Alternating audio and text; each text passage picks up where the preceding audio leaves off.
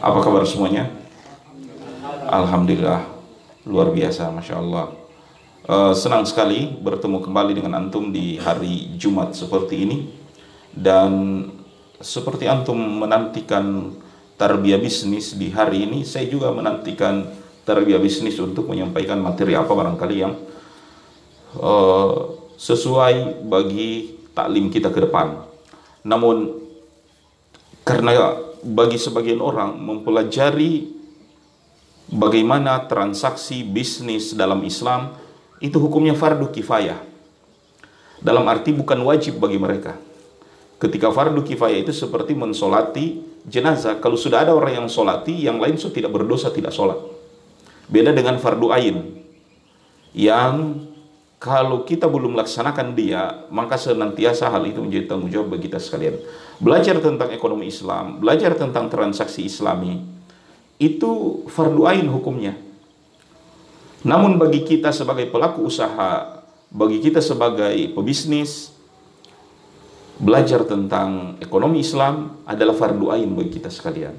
Makanya insya Allah uh, untuk durasi beberapa tarbiyah ke depan, saya uh, mau tanya ke antum ataupun persetujuan antum, apa kita mau bahas tentang ekonomi Islam atau apa saja seluk beluknya transaksi. Minimal kalau kita tidak kuasai penuh, kita dapat ilmu bebeknya.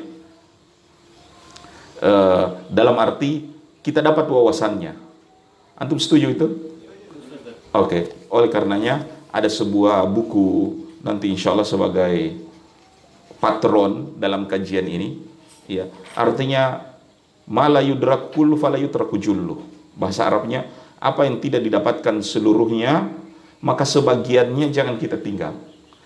Uh, menuntut ilmu itu kata para ulama, idza aratta kulla fayatika ba'd. Menuntut ilmu itu kalau engkau ambil semuanya kalau artinya dengan jiwa raga kita menuntut ilmu 100% semangat dan uh, kesungguhan kita menuntut ilmu. Fayati kabal ilmu yang kita bisa dapat itu menuntut menuntutnya 100% yang kita bisa hasilkan cuma 50% separuh. Tidak ada orang menuntut ilmu seluruhnya dia kuasai. Tidak ada. Ya, apalagi ini ilmu agama. Fayati kabal yang kau kuasai setengah.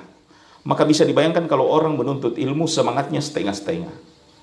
Berapa yang bisa dia dapat Orang menuntut ilmu 100% saja, 50% dapat. Artinya kalau semangatnya 50%, berapa yang bisa didapat? Dua setengah. Nah, oleh karenanya, paling tidak kita mengetahui bagaimana hukum-hukum jual beli atau yang kita sebut dengan ekonomi Islam lewat beberapa mata lewat beberapa SKS ya insya Allah saya akan berikan pada beberapa pertemuan tarbiyah bisnis hari ini dan ke depan setuju antum? Oke okay paling tidak ada wawasan kita di dalamnya. Apa itu mudharabah, apa itu syirkah, apa itu yang namanya kirot ataupun pinjaman, bagaimana adab-adabnya, iya kan? E, sehingga pemahaman kita tentang ekonomi Islam, kalau orang ngomong, oh pasti kena sadiki, dapat tahu sadiki. Dan itu ikhwan, sedikit kita mengetahui berguna. Kenapa? Gunung yang tinggi terdiri dari kerikil-kerikil yang kecil. Kerikil-kerikil yang kecil itulah pengetahuan kita ekonomi Islam barangkali. Tapi dari satu majelis ke majelis lain diulang, diulang akhirnya mengerti. Saya pribadi waktu masuk pondok di pesantren yang namanya ilmu nahu, ilmu saraf. Ya karena diajarkan seperti itu, saya tidak paham apa ini. Ya kan? Gambaran utuhnya saya tidak bisa paham. Ya untung selesai tiga tahun pesantren, saya belajar lagi dua tahun bahasa Arab. Kebetulan ada eh, dosen kita, rahimahullah ya Ustadz Mustafa Nuri, beliau memang yang biasa meringkas-ringkas pelajaran itu. Saya, oh ini yang dipelajari dulu, ya kan dosen di UIN ya, dosen di UIN sama Umi dulu di Makassar. Itu? Oh masya Allah. Di mana itu? Oh ngejar situ ya? Oh direkturnya? Masya Allah. Beliau murabbi, artinya ustadz yang mendidik dengan bagus. Saya selalu teringat kalau dia menasihati selalu menangis berair mata. Rahimahullah rahmatan wasiah. Itu uh, artinya keutamaan dari guru saya tersebut uh, rahimahullah bisa paham oh ini itu nahu. Paling tidak map mind apa namanya? peta otaknya sudah bisa dilihat di situ. Oh begini itu ilmu nahu. Pelan-pelan alhamdulillah dan mengenal Masya Allah tidak terasa 8 tahun akhirnya bisa men, menghatamkan yang namanya Syarah Alfiyah Seribu Bait itu. Alfiyah Ibnu Malik dengan sebuah buku yang lima jilid nahunya namanya Audahul Masalik. Itu ini sebagai contoh ilmu nahu nanti belakang dikuasai. Oh iya iya. Nah, yang namanya ekonomi Islam, yang namanya al-buyu itu babnya besar.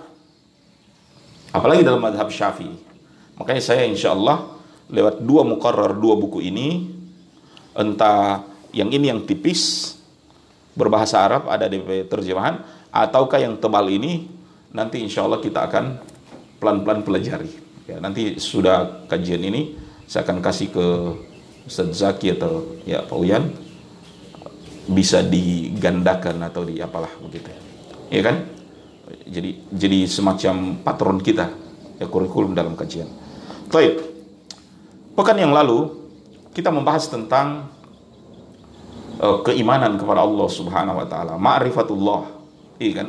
Uh, sedikit kita menyinggung tentang tauhid ini dan paling tidak antum ada bayangan untuk mengenal Allah ini bagaimana ya? Jadi so tidak ada sekarang cara mengenal Allah lewat mimpi, lewat wangsit, lewat bisikan ini dan itu. Iya kan? Karena sesungguhnya Tuhan kita Allah Subhanahu wa taala dia ada, dia menciptakan, dia menghidupkan, memberi makan, dia yang uh, memberi kesehatan kepada kita, memberi kehidupan. Namanya ini rububiyah Allah Subhanahu wa taala. Dan hanya ketika dia menjadi Tuhan, satu-satunya lah yang zat kita andalkan dalam setiap doa, dalam mengusir kegalauan, kesialan, bahaya, kita minta doa kepada Allah Subhanahu wa taala. Dalam meraih cita-cita, menggapai keberhasilan, mendapatkan manfaat, tidak ada yang namanya hoki, tidak ada yang namanya fortune yang melekat dalam benda atau ikan lohan atau apa. semua keberuntungan, semua keberhasilan itu pun adalah taufik dari Allah taala mendapatkannya dengan cara juga berdoa. Jadi yang sial kita tolak dengan doa, yang untung pun kita raih dengan doa kepada Allah Subhanahu wa taala. Ini insya Allah uh, kita sudah bisa pahami dan kalau orang tanya bagaimana itu Allah? Siapa itu Allah? Kita sudah jelaskan kemarin mengenal Allah Subhanahu wa taala adalah dengan nama dan sifatnya. Ya, dari mana kita kenal dengan Allah? Dari nama dan sifatnya. Dari mana nama dan sifat itu? Nama dan sifat Allah tidak bisa kita gelari sendiri. Namun yang di Quran dan di hadis yang sebutkan itulah nama Allah dan sifat Allah. Sehingga kita tidak boleh berimprovisasi atau berkreasi sembarangan itu kayak di novel-novel. Itulah Allah tengah malam dia bangunkan saya berbisik di telinga. dia bilang sholat tahajud. Itu sebenarnya ikhwan, walaupun kreativitas bahasa, kreativitas uh, kecakapan dalam kesusastraan kalaupun kita eh, apa berhusnuzon begitu ya. Namun ada satu bahaya di situ dalam akidah apa? Karena kita berani mensifati Allah dengan sifat yang dia tidak sifatkan. Kan dia tidak jelaskan bahwa dia datang membisik di telinga kita. Iya, hayalan kita semua itu. Jangan ikhwan. Apalagi kita memberi gelar-gelar nama Allah, nama dan gelar yang Allah Ta'ala tidak beri itu. Saya kalau diundang, siapa yang mau undang saya menikah lagi? Ada di antara antum? Masih kau Oh, so menikah semua ya? Alhamdulillah. Taib. Oh, masya Allah. Angkat tangannya seram begini, menunjuk ke belakang. Kalau ada undangan walima pernikahan, kemudian karena masya Allah jasa khair Boleh setahun. Espresso kan ini lumayan. Ya kopi hitam maksudnya. Iya, masya Allah. Syukran, jazakal khair. Uh, apa? Saya kalau diundang ada yang walima atau menikah, nama saya cuma khusus Yusuf Lauma. Ya, paling orang tambah di depannya Haji begitu. Ya, atau Ustadz Yusuf, Ustadz Haji Yusuf Lauma, LC SHI, ya, itu gelar saya yang resmi itu. Ntar kalau ada orang karena hormatnya atau dia bilang menyenangkan Ustadz, dia tulis Profesor Doktor. Padahal Profesor Doktor gelar akademis. Bagus kalau orang punya gelar doktor. Namun, nama yang bagus menurut pengundang itu bukan nama saya. Sehingga saya bisa protes. Saya juga tidak bisa datang di undangan itu. Karena kita bilang, ini ya salah alamat. Allah Ta'ala yang kita bahas pada pekan lalu, nama dan sifat Jangan sembah, jangan sembarangan memberi gelar dan nama kepada Allah, nama yang dia tidak pakai. Walaupun itu maksudnya baik. Maksudnya sempurna. Makanya nama dan sifat tauqifi. Tauqifi itu dalam istilahnya ortodoks. Apa artinya? Tidak ada orang yang boleh interupsi itu hak prerogatif dari Allah Subhanahu wa taala yang menentukan nama dan sifat. Cuma boleh nama yang Allah bilang yang Allah tentukan. Kalau manusia karang-karang walaupun manusia anggap itu bagus dan layak jangan. Jangan berani. Itu namanya ilhad. Ya, artinya menentang Allah Subhanahu wa taala dalam nama dan sifatnya. Karena nama dan sifat sesuatu yang spesial dan spesialnya nama dan sifat Allah kita ketahui dari mana? Sebab itulah media buat menerangkan siapa dirinya. Karena nama dan sifat adalah satu-satunya yang bisa menerangkan tentang diri, jangan tidak boleh kita intervensi. Nanti mau salah. Bisa bisa dipahami kan? Dan fungsi dari Asmaul Husna uh, ini adalah buat keperluan ibadah, keperluan berdoa. Ya, selain kemarin kita membahas keperluan kita yang pertama adalah mengenal siapa dia. Karena dari nama dan sifat kita kenal oh yo berarti begini itu Allah ya, dan ini PR bagi antum saya tidak akan bahas satu persatu asmaul husna ya antum yang akan membahasnya oh begini itu Allah subhanahu wa ta'ala dari nama dan sifat fungsi yang kedua keperluan berdoa apa berdoa kata Allah taala walillahil asmaul husna fad'uhu biha Allah memiliki asmaul husna berdoalah dengannya berdoalah dengannya dengan menyebut nama dan sifat baru kita minta uh, di di kelas guru bilang ambil kamari kapur, ambil kamari spidol. Guru eh, murid baku haga. Siapa yang guru suruh? Tapi ketika guru bilang, Ahmad, ambil kapur atau ambil spidol. Maka yang nama Ahmad itu langsung bangkit ambil. Dalam doa pun seperti itu. Ingin doa kita segera diijabah, panggil DP nama. Ya, walaupun memang doa, Ustaz, Bagaimana harus memanggil lagi DP nama? Kan doa satu-satunya kepadanya. Ya, walaupun itu kepadanya, antum juga kalau diminta terhadap sesuatu akan jadi berbunga-bunga dan cepat pergi itu kalau orang sudah jaga panggil, apalagi dengan nama kebesaran. Masya Allah, Fulan bin Fulan yang punya uh, usaha, ya, Fulan bin Fulan, istrinya uh, ada berapalah begitu. fulana, fulana, fulana. Bisa dipahami? Perannya begini-begini. Sudah dipuji-puji dengan nama-nama kebesarannya, jasa-jasanya, pasti kita ter, bertanya sama yang puji-puji. Eh, bilang Jo kamari kiapa? Kan kadang-kala ada di, di musim-musim politik begini orang bilang ada orang bakoprol.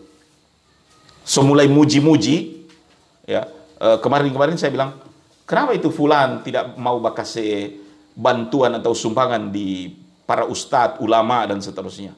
Ada yang bilang, Ustadz masih mau suruh koprol dorong, mau suruh puji-puji dulu. Tapi yang DP kewajiban itu. DP kewajiban itu membantu menyiarkan agama dan seterusnya. Bukan nanti mau tunggu dulu di angka-angka. Kan so bukan lagi musim kampanye saya bilang begitu. Jelaskan dirahmati Allah. Ini sebagai contoh. Orang ada orang yang mau bergerak nanti som puji-puji dengan nama dan kebesaran apa apalagi semua yang trik rekornya disebut gelar kadangkala belum disebut apa yang diminta karena pujiannya semuanya dia langsung berseru, berseru. Memang ini mau minta apa? Kepada Allah Ta'ala yang memiliki Asmaul Husna sangat senang Allah Ta'ala memberi kalau kita sebut dulu nama-namanya itu. Antum doanya minta rezeki. Allah Ta'ala pemberi rezeki antum berdoa Allahum ya Allah ya Razak namanya Ar-Razzaq. Iya kan? E, min, ya Allah yang maha kuat kuah kuwatil matin iya kan? Dalam kelemahanku ketika menyebut nama Allah yang maha kuat sebutkan juga bahwa kita ini hamba yang paling lemah. Ya Allah suka begitu. Merengek-rengek minta namanya disebut dan ketika keperluan untuk berdoa. Ini barangkali ikhwan hanya sekedar menambah dari kajian saya tentang pengenalan Allah Subhanahu wa taala dan ini penting. Kita umat Islam ini bersyukur tahu itu nama Allah. Umat sebelum kita, Yahudi dan Nasrani, susah mencari nama Tuhan itu apa? Yahudi. Yahudi coba tanya, apa dalam nama Tuhan? Apa kira-kira? Yahweh. Tapi yang bilang Yahweh itu tidak semua Yahudi. Cuma DP pimpinan-pimpinan ibadah yang boleh bilang Yahweh. Baru yang lain ada pengkultusan tersendiri itu bilang Yahweh. Ya, dan mereka tidak tahu sesudah Yahweh itu apa lagi. Bisa dipahami, kawan? Sehingga mereka bagaimana itu nama Tuhan? Kedua, ikhwan yang dirahmati Allah taala, Nasara. Lebih-lebih Nasara. Mereka sama sekali tidak tahu siapa nama Tuhan mereka. Ya. Kalau Kristus kan raja artinya. Iya kan? Bahasa bahasa asli namanya Kris. Kris itu apa? Ra, raja. Ya. Gelar mereka terhadap Isa Al-Masih. Tapi coba siapa menipe nama Tuhan? Durang bilang God. Dalam King James, Injil King James disebut the God, the Lord. Sebetulnya itu bahasa Inggrisnya. Belepotan juga ini Ustaz, bahasa yang kemarin. Tidak ada satu kata yang keluar ya waktu kita orang taklim Jepang. Tidak ada.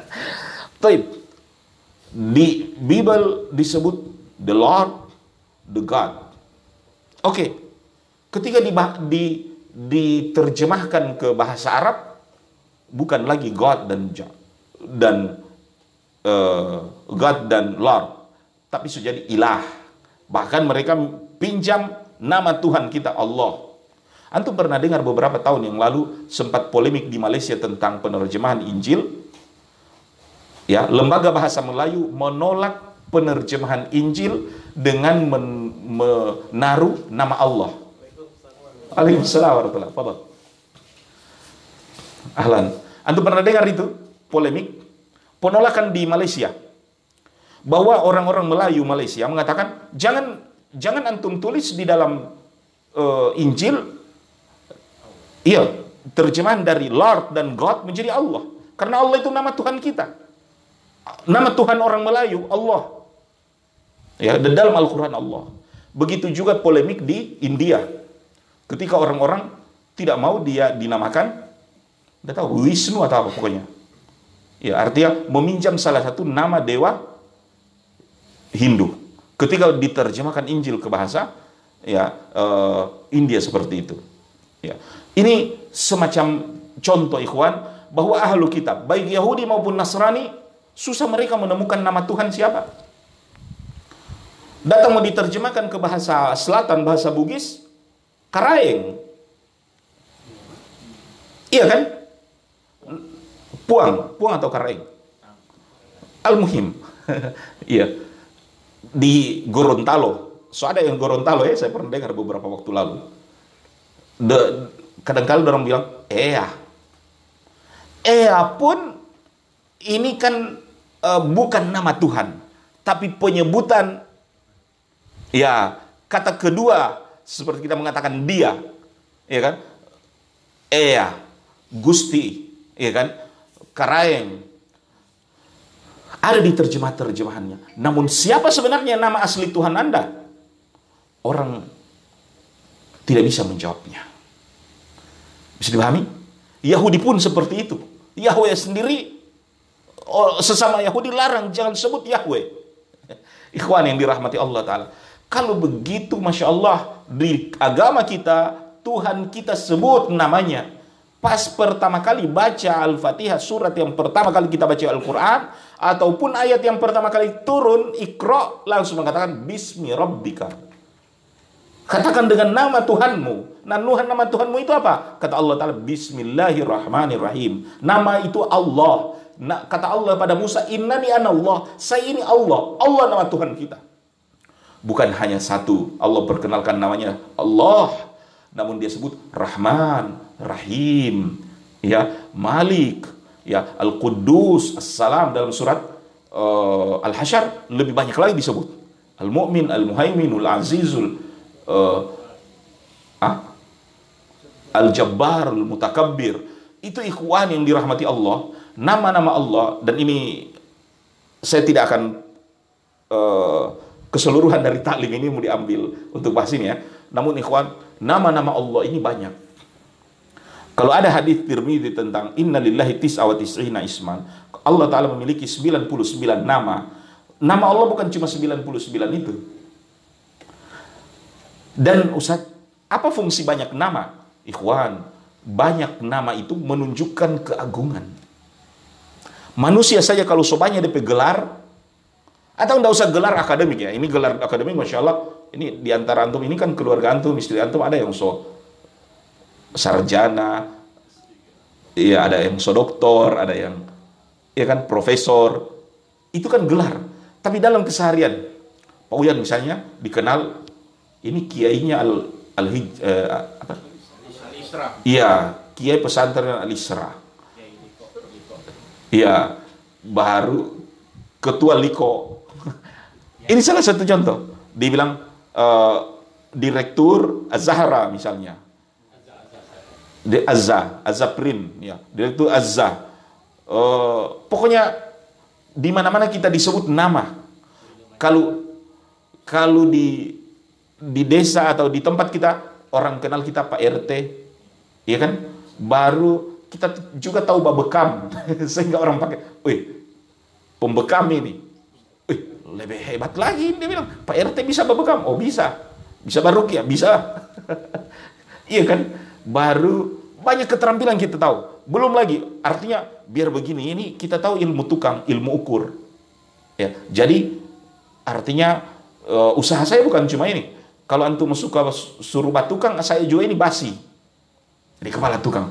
Hebat sekali orang, so basi, so iya kan, so mantri, so RT, so banyak profesi, banyak gelar menunjukkan keutamaan orang itu. Itu baru manusia. Nah Allah Ta'ala ketika namanya 99, setiap nama itu bukan hanya nama, tapi sifat sekaligus. Saya mengatakan kemarin, manusia bisa saja bernama Jamilah, Artinya cantik. Iya kan? Cuma namanya cantik. Tapi apa dirinya juga jamilah atau jamidog misalnya? Minta maaf ini ada Benyamin bilang begitu kan. Namanya saja Jamilah. Apa dirinya Jamilah? Manusia cuma punya nama. Manusia bernama Wangi. Tapi apa Wangi DP orang? Cuma nama. Allah Ta'ala memiliki nama, sifatnya juga sekaligus. Nah, Allah Ta'ala memiliki 99 nama, ini menunjukkan keagungan dan kebesarannya. Dan harus antum tahu, nama Allah bukan cuma 99. Ada berapa Ustaz? Nabi berdoa, dan ini untuk mengetahui jumlah nama Allah. Kata Nabi dalam doa, Allahumma inni abduk, ibnu abdik. Ya Allah, akulah hambamu, anak dari hambamu laki-laki, itu anak dari bapakku, dari bapak yaitu hambamu itu. Ibnu Amatik. Anak juga dari hambamu perempuan, itu ibu kita. Nasihat tibiadik. Ubun-ubunku ini ada dalam tangan. Artinya nyawa, hidup. Seolah-olah kalau kita katakan ubun-ubunku ini ada pada Allah, sekehendak Allah. Ya kan? Artinya tidak ada harganya ini ubun-ubun. Padahal inilah yang paling terhormat. Bukankah selalu kita jaga? Kalau orang tentara saja berhormat, ini yang dia pegang kan? Ada yang begini kan, ada yang begini. Tapi al-muhim, ubun-ubun yang dipegang. Sebagai perkataan sama orang yang dihormati, bahwa dia bilang, komandan, ente pedudukan sama anak, sama dengan kepala ini, sama dengan jidat. Ya kan? Dia, makanya dihormat, dia pegang jidatnya itu. Ini menunjukkan di, diserahkan pada Allah nasihati biadik adlun fiya qada'uk sungguh adil apa yang telah engkau putuskan? Ya. Masuk kepada doa Nabi as'aluka kulli ismin. Ya Allah aku minta dengan segenap namamu. Samai tabihi nafsak kata Nabi dan ini fungsi dari asmaul husna buat berdoa. Ya Allah aku mohon kepadamu mengatasnamakan semua namamu. As'aluka bismi bismikal ladzi samaita bihi nafsak. Aku berdoa mengatasnamakan semua nama yang engkau namakan pada dirimu. Aw ismin alam tahu ahadan min khalqik atau mengatasnamakan nama yang telah engkau ajarkan kepada hamba-hambamu. Nama yang Allah ajarkan kepada hamba ada nama yang Allah ajarkan kepada Heder yang tidak diajarkan kepada Musa. Makanya Musa ikut jadi muridnya Heder karena ada nama Allah yang diketahui Heder tidak diketahui Musa. Ada nama Allah yang diketahui Adam tidak diketahui malaikat. Wa Adam al-asma. Makanya malaikat hormat sama Adam karena dia memiliki nama Allah yang tidak mereka ketahui. Bisa dipahami, ikhwan? Jadi nama Allah ada yang orang tahu, ada yang Allah Ta'ala cuma kasih tahu sama orang lain. Itu ketika iblis datang menawarkan kepada Sulaiman, pokoknya sebelum ente badiri, so sampai di sini itu kursinya Balkis. Tapi ada orang yang mengetahui nama Allah yang tidak diketahui oleh orang lain, tidak diketahui oleh Sulaiman. Padahal kan padahal, padahal Nabi Sulaiman. Tapi ini orang yang soleh mengetahui Ismullahil Azam, mengetahui nama Allah tidak diketahui oleh Sulaiman. Artinya kalau kita membaca ini doa, kita sebutin nama Allah ini dia sebelum ente berkedip artinya sebelum selesai kedipanmu so di depan itu kursi bayangkan besarnya itu kata Nabi aku minta kepada semua nama yang engkau namakan pada dirimu atau nama yang hanya engkau ajarkan kepada hambamu itu contohnya Au anzal taufi kitabik atau nama yang hanya engkau turunkan dalam kitabmu. Jadi ada nama-nama Allah yang hanya turun di Al-Qur'an ini tidak ada di Injil. Contohnya Al-Fatihah. Al-Fatihah penuh dengan nama-nama Allah. Yang kata Rasulullah, ini surah Al-Fatihah tidak ada di Taurat, tidak ada di Injil. Berarti cuma ada di Al-Quran. Nah, dia penuh dengan nama Allah. Allah, Ar-Rahman, Ar-Rahim, Al-Malik. Iya kan? Jadi, ini contoh nama-nama Allah Ta'ala. Au alam tahu ahadan Au anzal tahu fi. Dan ini yang lebih menunjukkan banyaknya itu nama Allah. Awis taksarta bihi fi ilmil ghaib indak. Dan aku mohon kepada namamu yang engkau ajarkan pada hambamu atau diturunkan pada kitabmu atau nama yang engkau masih simpan di ilmu goib itu nama yang engkau belum bocorkan sama sekali masih ada dalam rahasia ilmu goib yang hanya engkau yang tahu makanya kata para ulama ketika tahu ini hadis ini ketika tahu doa nabi ini nama Allah itu banyak andaikan kita menguasai dan tahu nama-nama asmaul husna Jangan bilang bahwa kita orang so tahu semua nama dan sifat Allah. Kenapa? Karena ibaratnya kita manusia cuma diberikan nama yang mampu orang pikul dan tahu. Tidak semuanya dikasih tahu. Ibarat seorang anak yang kalau jajan, kita orang-orang tua di zaman belum corona kan kalau anak di sekolah minta jajan toh, kita sesuaikan dengan tingkat umurnya. Tidak mungkin anak SD jajanannya 200 ribu atau 500 ribu. Ya kan dia minta. Paling dia nah paling sepuluh ribu. Ya kan karena DP makanan so ada semua dan seterusnya. Nah pergi beli. Tapi kalau usul SMP bukan cuma sepuluh ribu mungkin terasa kurang dia. Dua puluh ribu. Ikhwan Allah tahu kita orang kapasitas makanya Allah berikan sesuai dengan nama yang mampu kita pikul kita ketahui dan kita amalkan ini uh, barangkali bagaimana nama-nama Asmaul Husna saya tinggalkan antum untuk mencari mempelajari ya tapi itu kaedahnya yang tadi tidak boleh kasih nama Allah kecuali yang ada di Quran, yang ada di hadis. Saat kita orang so bilang ini Allah arsitek alam. Kan arsitek juga pencipta apa? Ya, lebih baik al-khaliq, jangan bilang arsitek. Saat orang so bilang dia ini sutradara. Sutradara kehidupan. Apa itu sutradara? Pokoknya yang baator ini. Tidak, al-mudab Allah Ta'ala ya Robbu itu pengatur. Tak usah terampi bilang sutradara. Ya, karena pertama nanti kita samakan dia juga dengan yang sutradara film. Walaupun sama-sama benarnya, tapi jangan namakan dia dengan nama kecuali yang dia tahu. Bisa dipahami, kawan? Baik. Ini uh, tentang nama-nama Allah Subhanahu wa taala dan sebagaimana janji saya di awal tadi, insya Allah masih tabal ini buku yang terang mau jadi patokan berapa pertemuan ke depan. Ya, artinya tentang fikih ekonomi Islam, insya Allah. Minum kopi dulu, Bismillah.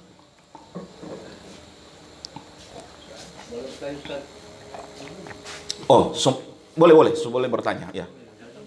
Sebelum lewat, Fadal. Kalau Ea atau Gusti itu, apakah dia bisa diartikan? Rab itu bisa diartikan Ea atau bisa diartikan Gusti. Karena kan Rab itu masuk nama-nama Asmaul Husna. Ya. Atau ilah. Saya pernah tanya itu ke dosen saya. Nama-nama lokal begitu yang menunjuk kepada Tuhan itu boleh disebut karena kita bukan menamakan Allah. Artinya bu- kita bukan menambah Asmaul Husna situ. Karena nama-nama tadi itu seperti Ea atau Gusti, sebutan yang menunjuk kepada ketuhanan. Sama dengan kalau dalam bahasa Arab ilah, al-ilah. Nah, adapun tentang Rob, Rob, Rob itu asma, termasuk nama Allah itu. Walaupun nanti bilang Ustaz, tidak ada Asmaul Husna. Allahur Rahmanur Rahimul. Itu Allahur Rahmanur Rahimul Malikul Qudusus Salamul Mu'min yang ada di kulit Al-Qur'an itu ya atau antum baca-baca itu, itu ikhwan yang ada di hadis Tirmidzi. Tapi bukan berarti yang tidak ada di situ bukan nama Allah. Seru kenapa? Kalau itu di nama, sifat tidak ada semua di situ kan? Di yang hadis Tirmidzi yang Allahur Rahmanur Rahim yang Nabi SAW katakan siapa yang menghafal ini maka masuk ke dalam surga. Siapa yang menghitung ataupun menghafalkannya masuk ke dalam surga. J kenapa Robbu Rob termasuk Asmaul Husna? Karena di Al-Qur'an Al-Fatihah disebut Rabbul Alamin. Alhamdulillah segala puji bagi Allah Rabbul Alamin. Rabbul Alamin itu gelarnya. Sifatnya, sifatnya adalah Robbu pemelihara sekalian alam. Makanya Rob tidak kita terjemahkan bahwa dia adalah ilah ataupun eh, Rob itu Ea dan seterusnya. Ea itu ilah. Dalam arti Tuhan seperti yang uh, di dalam kalimat tauhid yang kita ucapkan itu. Kalau yang widi Ustaz. Hyang Widi ikhwan, Hyang atau bagi orang-orang Cina, Tiongkok disebut Tiang ya dan seterusnya, itu nama dari Tuhan mereka. Tidak boleh disandarkan pada Allah. Sebagaimana Wisnu, ya kan, Brahma, itu tidak boleh Allah Subhanahu wa taala kita meminjam nama-nama mereka, tidak boleh. Sebab penyebutan Hyang dan Tiang atau Wisnu dan seterusnya itu penamaan mereka terhadap ya sembahan mereka. Tuhan sembahan mereka, Zeus dan seterusnya. Yang paling hebat di di Romawi kan Zeus, tapi kita tidak tidak akan sebut itu. Ya, karena itu penyebutan untuk nama, nama Tuhan itu sendiri. Ya, eh, apa istilahnya? Kalau Tuhan, Ea, eh, apa lagi tadi? Karaeng, itu kata ganti. Domir, eh, apa? Kata ganti yang menunjukkan Tuhan itu sendiri. Penyebutan orang ke- kedua, ini kan dia, Tuhan. Eh, sehingga dia bukan bagian dari Asmaul Husna. Saya bertanya kepada dokter, syekh saya dulu, boleh kita sebut dia bilang iya karena nama-nama itu menunjukkan kepada Tuhan. Ya. Beda dengan kita ada sebagian orang yang mengarang namanya karena disesuaikan dengan apa yang dia prosa yang dia mau ungkapkan. Inilah sang arsitektur, sang sutradara, apalagi pokoknya ada nama-nama yang kosmos. Kadang-kala orang ilmu pengetahuan menyebut Tuhan itu sang kosmos. Saya bilang itu ilhad. Ya. Penamaan Asmaul Husna terbatas di nama Al-Quran dan Sunnah. Nah, ini juga fawaid. Artinya sebagai, boleh antum terima, boleh tidak. Tapi anggaplah sebagai wawasan. Boleh tidak? Artinya, karena kalau antum tidak dengar dari anak, antum akan dengar dari yang lain. Nanti salah sangka lagi di tempat lain. Bisa dipahami? Atas dasar konsep ataupun kaedah bahwa menamakan Tuhan harus dengan nama yang dia namakan di Quran atau yang Rasulullah namakan di hadis. Jangan ambil nama yang walaupun kreativitas kita mengatakan dia Tuhan. Di sinilah kita berbeda dengan Ash'ariyah. Anda pernah dengar Ash'ari? Pengikut Abu Hasan al-Ash'ari? Abu Hasan al-Ash'ari itu ulama ahlus sunnah wal jamaah. Kalau kita runut sesudah Imam Syafi'i, murid Imam Syafi'i di bawahnya itu ada dua. Entah Abu Hasan al-Ash'ari atau Ibnu Khuraij, Juraij. Afwan, saya menye salah menyebut. Al-Muhim dua itu. Makanya kalau madhab Syafi'i selalu identik dengan Ash'ari. Karena Ash'ari itu tabakat yang kedua, tingkatan kedua dari Syafi'i itu ke bawah. Bisa dipahami kan? Nah, dalam akidah Asy'ariyah dan ketika saya membahas Asy'ariyah, Asy'ariyah ini ahlus sunnah wal jamaah. Asy'ariyah Maturidiyah ini ahlus sunnah wal jamaah sama-sama dengan ahlul hadis. Itu ulama mengkelompokkan ahlus sunnah wal jamaah masuk di situ Maturidiyah, Asy'ariyah dan yang ashabul hadis. Ashabul hadis ini uh, apa? Artinya salafiyin. Salafiyin dalam arti kutip dalam tanda petik ya. Karena jangan sampai kita alergi juga oh, itu salafi dan artinya salafi dalam tanda petik yang sebagai ashabul hadis. Bisa dipahami kawan nah kaum salafi atau kaum ashabul hadis apa bentrokan mereka dengan kaum asy'ari padahal sama-sama ahlu sunnah wal jamaah dalam hal akidah Ikhwan, kita bahas tauhid rububiyah, Allah pencipta, Allah satu-satunya Tuhan. Tidak ada yang menyelaini kecuali kaum ateis. Semua umat beragama satu. Makanya di kolom Indonesia ini sila pertama ketuhanan yang besar tidak diprotes oleh agama-agama. Kecuali orang PKI sendiri yang mau hapus Pancasila. Karena ada sila ketuhanan itu. Jadi kalau kita bahas tauhid rububiyah, ateis keluar. Sekarang kita bahas tauhid ibadah. Apa itu ibadah? Menyembah hanya satu-satunya kepada Allah. Berdoa hanya satu-satunya kepada Allah. Maka seluruh penganut agama menjadi seteru kita. Karena tidak mau orang masuk di masjid. Hanya Allah yang disembah dan tidak mau. Kita orang masing-masing jalan. Jadi ketika membahas tauhid ibadah, tauhid uluhiyah, seteru kita penganut agama dan kepercayaan. Karena orang ada yang orang memintakan doa. Bisa dipahami? Ketika kita membahas asmaul husna, Tauhid asma wa sifat, asmaul husna.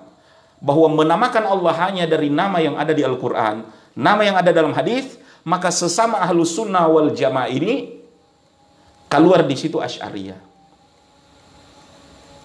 Bisa dipahami kan? Dan ini kalau kita mau bedah ini kadang-kala sensitif. Tidak sensitif sebenarnya. Kita harus bongkar dan tahu sebaik karena perbedaan ini bukan orang perbedaan. So dari dulu tinggal kita orang ini mewarisi saja. mewarisi atau jadi penonton. Ya, lebih bagus jadi saja penonton, John. Tidak usah berdarah-darah dan seterusnya. Bisa dipahami kan? Nah, konsep ashabul hadis, konsep kaum uh, salafiyun dengan uh, uh, apa namanya? Asy'ari, dorang ini bakal yang di mana? Salah satu yang dorang berseteru sampai hari ini. Itu ribut di medsos itu kalau bahas itu. Apa? Karena Asy'ari mereka di dalam menetapkan nama dan sifat Allah ya tidak setuju dengan kaidahnya kaum ashabul hadis yang condong hanya cuma nama dengan ya, nama dan sifat yang ada di Al-Qur'an dan hadis. Dia bilang ada media akal untuk menalarnya. Kenapa? Karena kalau kepasrahan ini kepada Al-Quran dan Sunnah semata, ada beberapa nama dan sifat yang oleh sebagian Ash'ari tidak boleh tidak boleh dipahami seperti ini. Dan itu ikhwan ini khilaf atau pertentangan ini sampai hari ini saya lihat itu di medsos kadang-kala orang tidak dewasa memandangnya sampai baku baku kles begitu. Tunggu mau dengar azan dulu sebentar mau lanjut boleh? Ya, karena ini agak jauh dari pembicaraan. Fadal. Minum dulu.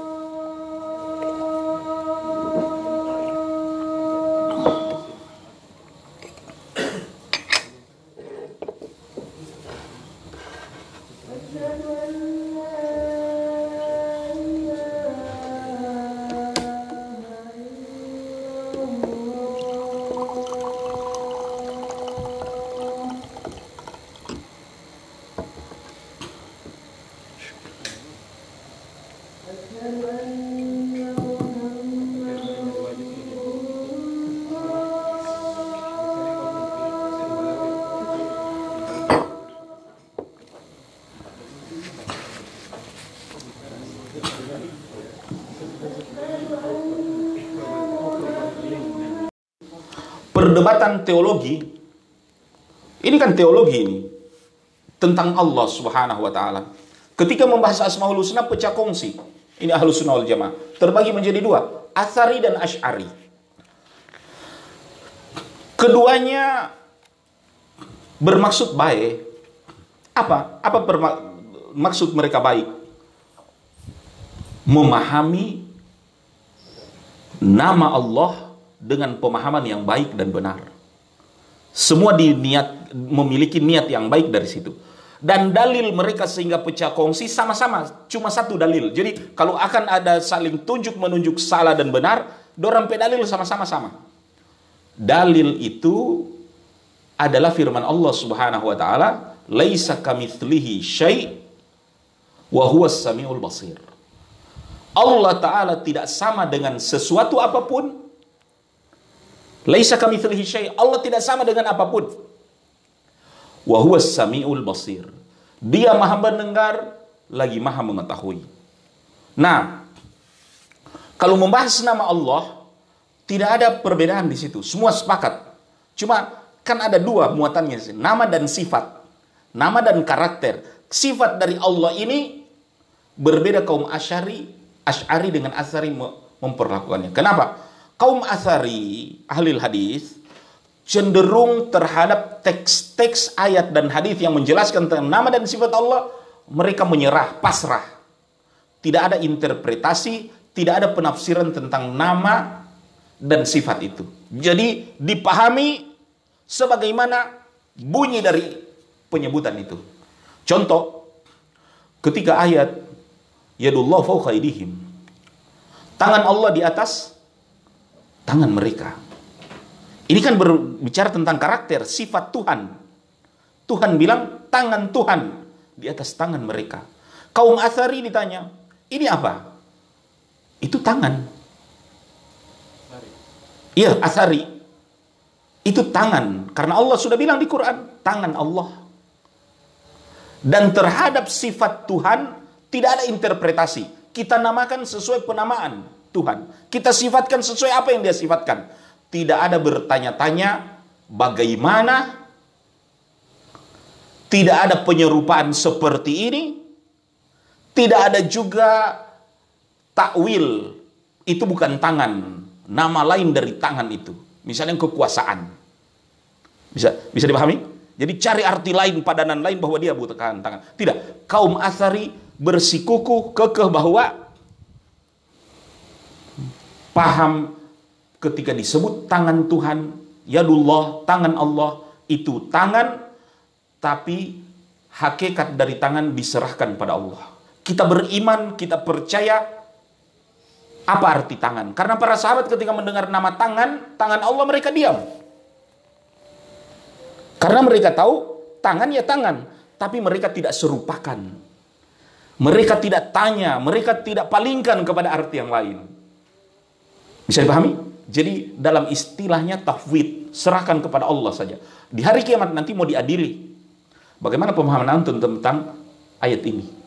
Tangan Allah di atas tangan mereka. Mereka mengatakan, kami akan jawab di hadapan Allah, ya Allah kami beriman. Bahwa engkau sebut tangan, ya kami ia akan jawab bahwa itu tangan. Tapi hakikatnya kami serahkan kepadamu. Kami tidak pernah menyerupakan, kami tidak pernah uh, mengandaikan, kami tidak pernah pun memalingkan ke arti yang lain. Karena ini adalah tidak semua ayat di Al-Quran itu kita tahu semua. Karena ada ayat mutasyabihat, ada ayat muhkamat. Muhkamat yang kita tahu pasti. Mutasyabihat, ayat yang kita belum tahu pasti. Itu jawaban kaum asari. Bisa dipahami? Dari mana kalian mendalilkan itu? Bahwa tangan baru hakikatnya diserahkan pada Allah. Dalil mereka bacakan, Allah bilang, Laisa kami syai' Kalau disebut tangan, berarti tidak sama dengan sesuatu apa pun. Itu dalil mereka. Wahuwas samiul basir. Dan Allah maha mendengar, maha mengetahui. Itu dalil mereka. Stop. Selesai orang. Karena Allah Ta'ala tidak sama dengan sesuatu apa pun. Dia bilang di Al-Quran. Makanya kalau dia disebut tangan, semut punya tangan. Monyet punya tangan. Semut dan monyet dua makhluk yang berbeda ukurannya. Sama dorong dope tangan? Tidak sama. Manusia punya tangan. Sama tangan manusia dengan semut? Tidak. Eksavator orang bilang ada tangan. Sama tangannya? Tidak. Iya kan? Sama penyebutan tangan. Beda hakikatnya. Walillahil masalul ala. Kepada Allah subhanahu wa ta'ala. Jangan coba-coba serupakan. Sebut saja. Tapi hakikatnya kepada Allah. Bisa dipahami? Tuntas di situ kaum athari. Tuntas di situ kaum athari mereka tidak mau lagi persoalkan nama dan sifat sesuai dengan kaidah namai Allah dengan nama yang dia sifatkan di Al-Quran atau yang Rasulullah SAW sebutkan. Tidak ada takif, tidak ada tanya-tanya bagaimana, tidak ada tamsil, tidak ada penyerupaan seolah-olah. Tidak ada tasbih, tasbih penyerupaan yang serupa tapi tidak sama. Ya, kalau tamsil betul-betul contohnya, modelnya, deminya itu tamsil. Kan ada yang serupa sama, ada yang serupa tidak sama. Bisa dipahami? Itu perbedaan tamsil dan tasbih. Ada juga eh, kaum ahlul asar pun tidak mentakwil. Takwil dalam arti dipalingkan kepada arti lain. Oke, kalau tadi pemahaman asari, kaum asyari bagaimana memahami? Kaum asyari mereka baca ayat, Laisa kami syai' bahwa Allah tidak sama dengan sesuatu apa pun. Maka berkenan dengan karakter, dengan sifat dari Allah, berarti Allah tidak sama dengan sifat eh, dengan apa pun. Kalau disebut dia tangan, mereka berdalil dengan ayat, laisa kami syai. Bahwa dia tidak sama dengan sesuatu. Yang punya tangan ini makhluk. Kalau Allah Ta'ala, dia bilang dia tidak sama dengan sesuatu apa pun. Makanya mereka nafikan itu tangan. Jangan coba-coba bilang Allah punya tangan. Karena telah kalian serupakan dia dengan makhluk. Dalil di ayat yang tadi. Laisa kami syai. Bisa dipahami? Intinya kaum Ash'ari menolak sifat-sifat Tuhan itu. Dan di Al-Quran ataupun di hadis banyak sifat-sifat Tuhan yang memang juga kadang-kala kita orang di hadis Nabi SAW disebut bahwa Allah Ta'ala terbahak-bahak. Iya, ini mau dipahami apa ini? Kaum Asy'ari eh, terbahak-bahak manusia. Cari pengertian yang lain. Di hadis Nabi SAW ketika neraka tidak mau penuh, eh, tidak mau pol, tidak mau berhenti makan manusia dan batu. Hingga Allah Ta'ala celupkan kaki bisa dipahami? Ya, neraka mengatakan e, sudah sudah. Jadi dari artinya lafaz betis di situ ya antum mengartikan apa? Kaum asyur mengatakan jangan bilang bahwa dia betis, jangan bilang bahwa dia kaki karena engkau menyerupakan. Laisa kami wa Bisa dipahami? Maka carikan itu arti. Ya Allah fauqa Tangan Allah di atas tangan mereka, itu tangan. Cari arti yang lain. Jangan pakai tangan karena intinya nafikan buang semua yang berkaitan dengan sifat Tuhan yang akan mem, yang akan berpotensi mirip dengan makhluk karena laisa kamitslihi syai wa basir. Makanya sampai ke dalam ayat semesta Ar-Rahman walal arsy istawa. Ar-Rahman di atas arsnya istawa. Ars itu kalau bahasa Arab ars itu puade, tempat duduk yang besar. Kursi Kursi bukan sampai kursi. Kursi itu titian mau duduk di ars. Itu secara bahasa. Bisa dipahami? Jadi kalau itu harus dipahami itu. Kalau yang namanya kursi, kursi itu titian mau naik di kursi besar. Kursi besar itu yang puade orang Gorontalo bilang, itu namanya ars. Singgah sana. Eh, kalau raja-raja singgah sana. Naik ke atas singgah sana ada kursi kecil itu, itu namanya kursi dalam bahasa Arab. Nah, Ar-Rahman walal arsy istawa dan ini menjadi polemik. Tuhan Allah di atas ars istawa. Istawa ini dalam bahasa Arab namanya menempati, berdiam, tinggal. Bisa dipahami? Nah, Asy'ari oh. Kenapa sifat Tuhan artinya walaupun memang Al-Qur'an sendiri bilang Ar-Rahman wal istawa. Ar-Rahman, Tuhan Allah di atas ars. Istawa, menempati. Dora bilang, menempati di sini sama dengan makhluk, maka dia bukan menempati. Nafikan. Malah, malah penafian itu ya sehingga mereka mengatakan dia tidak di atas, dia tidak di bawah, dia tidak di dia tidak di atas, tidak di bawah, di artinya tidak ada arah yang melingkupi Allah Subhanahu wa taala. Semua serba peniadaan di situ. Bisa dipahami, ikhwan? Dan kalau kita tanya, Asy'ari, kenapa banyak sekali sifat-sifat Tuhan yang disebut dalam Quran, disebut di hadis? Kalian tidak terima, kalian nafikan, lari kepada arti yang lain. Apa yang kalian mau? Dia bilang, kami takut dengan ayat ini yang bunyinya laisa kamitslihi syai' wa huwas samiul basir. Kami itu takut menetapkan sifat ini sehingga datang seolah-olah Tuhan itu kita serupakan dengan makhluk. Kalau antum pahami secara maknanya, menurut maknanya, maka kita akan ya menyerupakan Tuhan dengan makhluk. Bisa dipahami? Ayatnya itu laisa kamitslihi syai' wa huwas samiul basir. Jadi dialog ini yang lamanya 12 abad itu. Ya, saya tidak nanti sekedar ini pembuka kunci, antum sendiri silakan dalami itu dialog Asy'ari dengan Asari memang ya antum puyeng sendiri. Cuma saya melihat dua-duanya punya nilai niat yang baik. Ya, mau menetapkan sifat yang layak bagi Allah. Ya, walaupun saya pribadi ya lebih condong kepada sebenarnya Asy'ari sendiri ya niatnya baik mau menetapkan sifat yang terbaik buat Tuhan dan buang jauh-jauh sifat yang menyamakan dirinya dengan makhluk. Karena perkataan Allah, "Laisa kamitslihi syai." Dia tidak sama dengan sesuatu apa pun. Cuma sebenarnya kalau dibaca lanjut itu ayat, "Wa samiul basir."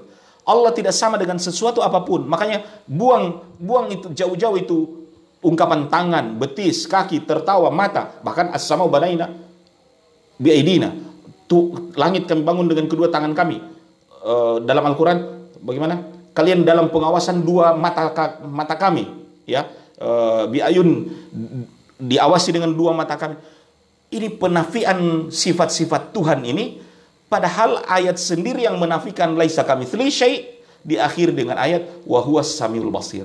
Allah itu maha mendengar dan Allah taala maha melihat. Sekalipun kita Asy'ari menolak hadis ataupun ayat yang mengatakan dua mata, menolak tangan, menolak semua sifat jas, jas jisim yang dalam arti sebuah jisim bagi Tuhan. Ke mana kita mau bawa ini ayat ini? Dia maha mendengar dan maha melihat. Bukan kemelihat dengan penglihatan mendengar dengan pendengaran. Mau ke mana kita lari itu dia? Bisa bisa dipahami ikhwan? Ya. Namun memang kadang-kala eh, asyari tambah panas juga kalian asari, kalian mujassimah. mujassimah, kalian menetapkan sifat jisim, sifat jasad, jasmani kepada Tuhan.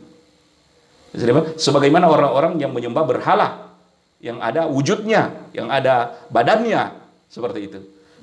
Lantas Asari bilang, justru kalian menyembah Tuhan yang tidak ada. Karena semua yang Tuhan bilang tentang sifatnya, kalian bilang tidak ada tidak di atas, tidak di bawah. Ya, dia tidak di atas ars. Dia bilang dia ada di atas ars. Kalian bilang tidak di atas ars. Ya, uh, artinya kalian tolak semua sifat dari Tuhan itu sendiri. Ya, uh, sehingga ujung-ujungnya kalian ini menyembah sesuatu yang adaman, sesuatu yang tidak ada. Karena semua sifat itu kalian tiadakan bagi Tuhan itu sendiri. Ini uh, perdebatan 12 abad itu yang sampai sekarang Padahal niatannya untuk menetapkan sifat yang layak bagi Allah Subhanahu wa taala. Dan ini menarik. Karena memang Allah Subhanahu wa taala sendiri menetapkan bagaimana dia cuma dari ini kita sampai media, tidak ada lagi. Apa yang dia sifatkan? Nah, saya sebut Asy'ari tadi, makanya Asy'ari berani menetapkan sifat-sifat Tuhan walaupun lafaz dari sifat Tuhan itu tidak ada di Quran dan hadis. Dalam rangka niatan mereka baik. Apa itu saja? Kita orang hafal itu dulu di pesantren kan? Wujud, kidam, baka, mukhalafatul lil hawadisi, qiyamuhu binafsi, wahdaniyah, bro. Kudrah, irada, ilmu sama basar, kalam, kehadiran, mutakalliman. Iya kan? Antum hafal 20 apa? 13. Tuh, Masya Allah, di antara antum hafal, Masya Allah. Dan saya dulu hafal. Itu ada dalam kitab Jawahirul Kalim. Antum tahu?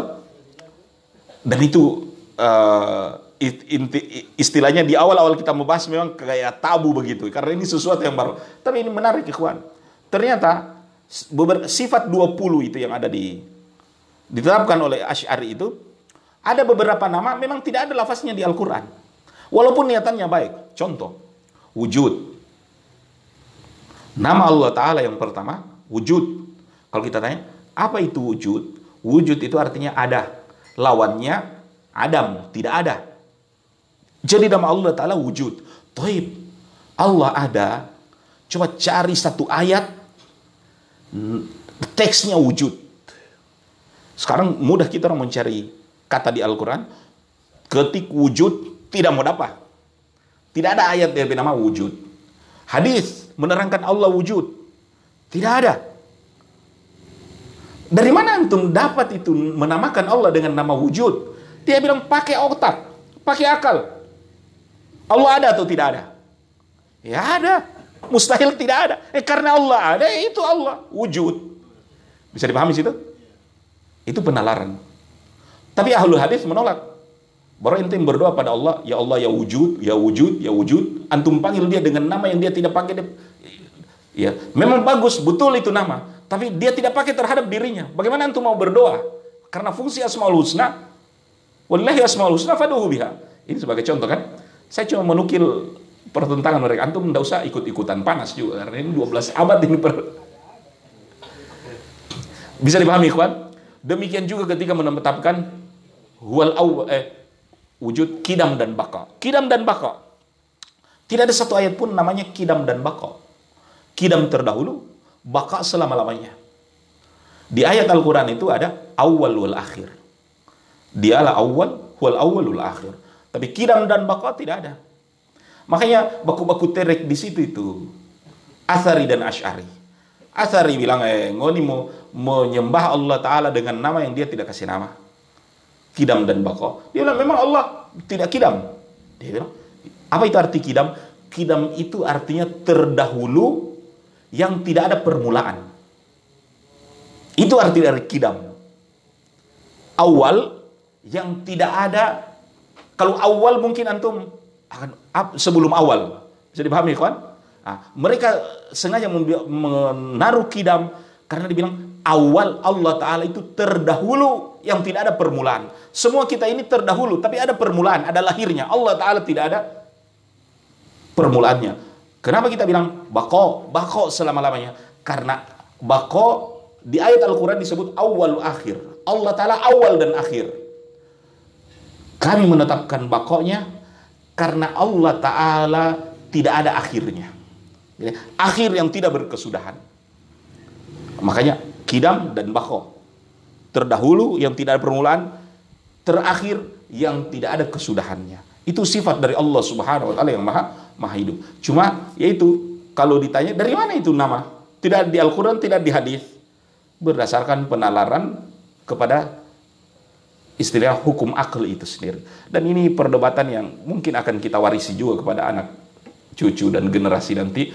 Cuma memang suatu saat nanti memang Allah mau adili ini. Itu kan perdebatan 12 abad. Berarti di hari kiamat, di hari pengadilan mau diadili ini semua sifat. Nah, tinggal antu yang menentukan di saf mana orang ini. Ya, paling tidak kita terangkan bukan penggagasnya, cuma ada Mbak Iyo Iyo kan. Semoga masuk surga sama-sama insya Allah. Amin ya rabbal alamin. Taib. Ada yang lain? Ya.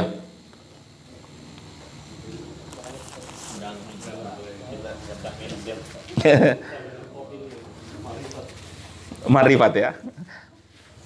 Kalau marifat ini pakai kemenyan. kemenyan.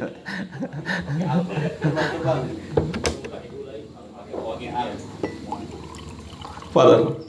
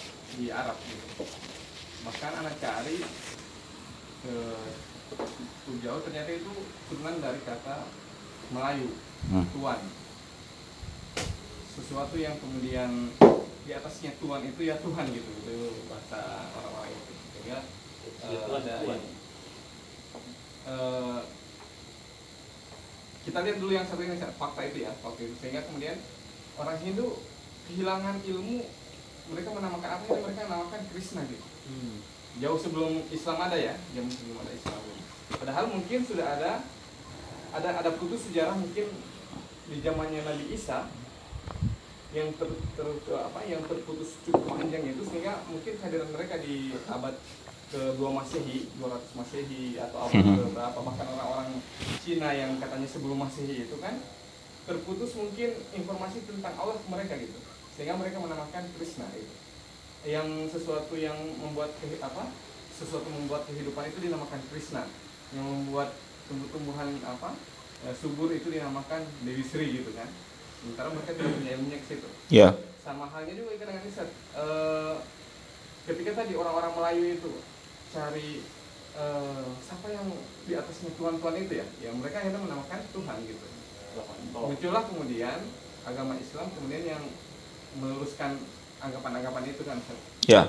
termasuk juga hampir semua pekerjaan nabi-nabi meluruskan itu Ustaz. mungkin mungkin ya Hmm. Eh, Nabi Nuh meluruskan anggapan tentang yang dibuat oleh kaumnya oh ini Tuhannya ini si ini si ini si ini gitu Ya. Nabi Ibrahim juga meluruskan Tuhan yang dibikin oleh bapaknya gitu sehingga kemudian eh, anak nyari dalil tentang 99 nama itu gitu. kan ternyata tidak ada Ustaz. Yang Hadis ada- Turmi itu. Ya. Yang ada kan cuma namanya aja gitu. Tapi kemudian para ulama mengelompokkannya kan Iya. di, di, diklasifikasi. Hmm. Ini yang Ar-Rahman diambil dari kata-kata ini. Ini yang Ar-Rahim diambil dari kata-kata ini. Hmm. Ini yang gitu. Anda lihat berarti ada kesimpulan kan? Anda sepakat dengan dua tadi itu, Ash'ari dengan apa? Dengan Asari gitu ya. Mhm. Bahwa sebenarnya yang kita tujukan itu sebenarnya bagaimana kita mencari kedekatan dengan Allah gitu. Ya. Oke, sehingga kemudian ada nama-nama itu yang hadir yang, yang dibuat oleh kaum Ash'ari itu eh walau ya, anak, tapi anak beranggapan mereka ingin dekat aja ke Allah. Ya, itu memang tujuan dari Asmaul Husna itu supaya lebih dekat, lebih mengenal Ke Allah. Itu. Kayak misalnya, Ustaz, anak nyari sampai sekarang nama yang disebutkan oleh seorang ber, apa yang berilmu yang zamannya Nabi Sulaiman itu kan sampai sekarang nggak tahu Ustaz. Ismullahil Azam ya. Ya, itu nama yang disebutkan oleh dia itu yang dibuat berdoa sampai mendatangkan singasana. Hmm. Termasuk juga yang nama yang disebutkan oleh Nabi Khidir itu juga kan Tidak ditahu kalau. tidak ditahu sampai detik ini tidak tahu gitu kan. Nah, itu yang kemudian anak berpikir ah, sebenarnya intinya berarti mencari mencari kedekatan aja ke Allah gitu. Sehingga sehingga banyak yang kemudian mohon maaf diselewengkan oleh setan. Karena terlalu terlalu kemudian mel- melogikan melogikakan gitu asmaul husna eh, apa nama-nama yang tadi dibuat oleh mereka tadi kayak Lata, Uzza dan sebagainya kan itu di- dilogikakan sama mereka karena mereka nggak ketemu apa ya eh, ini kan kita kan terbatas eh, eh, indra kita kan terbatas Baik. informasi kita kan terbatas sehingga daripada mereka mereka bikin aja gitu gitu karena kan Allah yang melarang itu yang bikin bikin itu bikinan bikinan itu Innal ladzina yuhiduna asma'ihi. Sesungguhnya orang-orang yang bikin nama-nama nama-nama gitu kan. namanya. Baik. Ini bukan pertanyaan tapi masukan. Cuma memang eh Allah alam. Krishna itu sendiri kan kalau saya membaca Krishna itu eh, apa penjelmaan ya. Dari semua yang diciptakan eh, penjelmaan dari Bah- Brahma itu sendiri. Eh, sehingga disebut Krishna dan seterusnya. Itu itikad Yahu, eh, apa Hindu. Andaikan kalau kita berhusnuzon memasukkan dia barangkali memang itu nama-nama Tuhan dulu karena kan nama Tuhan itu sendiri tidak terbatas di satu kaum. Tidak terbatas di satu orang. Ada yang orang diajarkan ada orang yang tidak. Sebagaimana Hidir tidak diajarkan kepada Musa. Sebagaimana kita kaum muslimin Al-Fatihah tidak diajarkan kepada Yahudi Nasran dan seterusnya. Cuma memang kalau sebatas itu penalaran kita boleh. Tapi tidak boleh artinya kita mengiyakan atau menganut sebab gitu tidak sebab terbatas kepada sebuah kaidah bahwa nama dan sifat Tuhan hanya dia sendiri yang boleh mensifatkan dan menamakannya dan ketika kita batasi nama dan sifat itu hanya dia sendiri yang menamakannya berarti tidak jauh-jauh yang kita namakan dan sifatkan itu cuma yang ada di Al-Quran dan di, ha, di hadis. Kaum Asy'ari itu tidak bukan orang yang menamakan yang bukan di Al-Quran, tidak. Mereka menginterpretasi. Karena contoh Al-Baqa, Kidam dan Baqa terdahulu tafsiran mereka sendiri dari awal wa akhir. Jadi tidak ada Asy'ari itu yang mengarang-arang nama. Tidak. Itu tafsiran mereka terhadap dalil sehingga mereka namakan itu sendiri. Bisa dipahami? Eh, sedangkan athari kan dari awal mereka condong tekstual ya. Artinya tidak boleh tidak dan ini bentuk kehati-hatian juga sebenarnya. Ya. Eh, kembali di nama-nama Tuhan itu sendiri. Kenapa kita tidak boleh eh, barangkali betul juga yang sana itu sakti karena dia ada nama Tuhan yang dia tahu. Ya, jangan-jangan dia sudah ketemu Hidir juga. Dan Hidir sudah ajarkan. Bisa dipahami, kawan? Itu yang antum bilang tadi itu pintu yang bisa dimanfaatkan iblis dan setan. Antum tahu Harut dan Marut? Ya, disebutkan Harut dan Marut. Salah satu artinya di antara malaikat yang diturunkan ke bumi kan? Artinya di antara malaikat kan pada bincang-bincang loh manusia ini sudah dihormati, disujudi, diberi rahmat. Kenapa berbuat maksiat terus di muka bumi? Coba kita ini artinya. Artinya keakuan Allah tidak menginginkan kesombongan yang ada dalam diri seorang sehingga coba-coba dulu mau diberi. Turunlah Harut dan Marut diberi nafsu selain akal yang mereka miliki ternyata uh, ada berapa versi kan?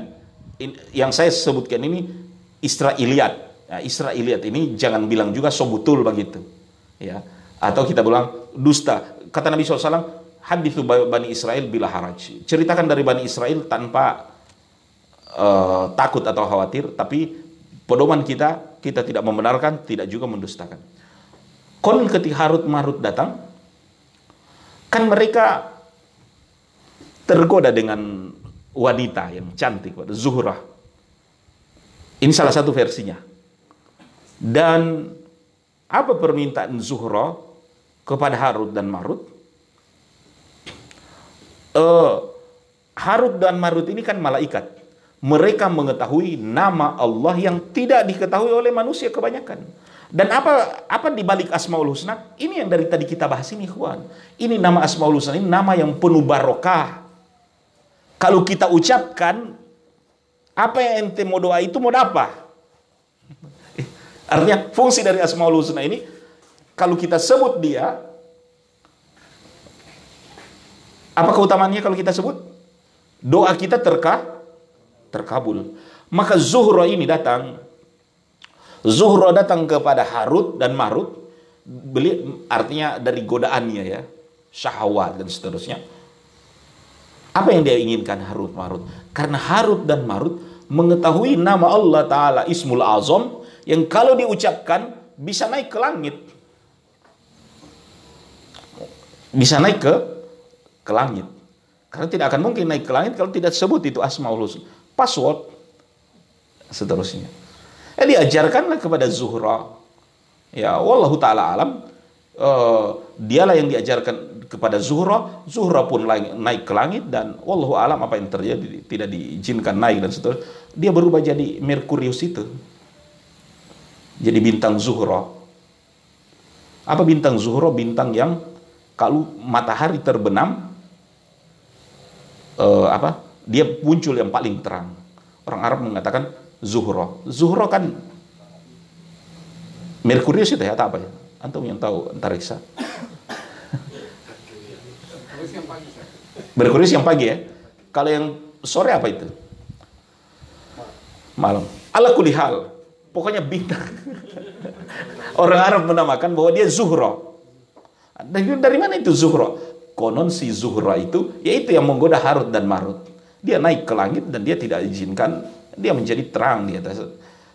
Ini sebagai contoh ikhwan, Asmaul Husna, ya kan, harus kita kembali kepada panduan ini. Jangan terima Asmaul Husna kalau tidak ada di Al-Quran dan Sunnah. Khawatir dimanfaatkan sebagai pintu syaitan.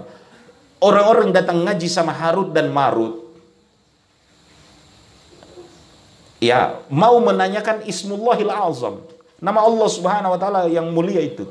Tapi Harut dan Marut kan tidak memberitahukan. Disebut bahwa wallahualam Harut dan Marut itu eh bukan.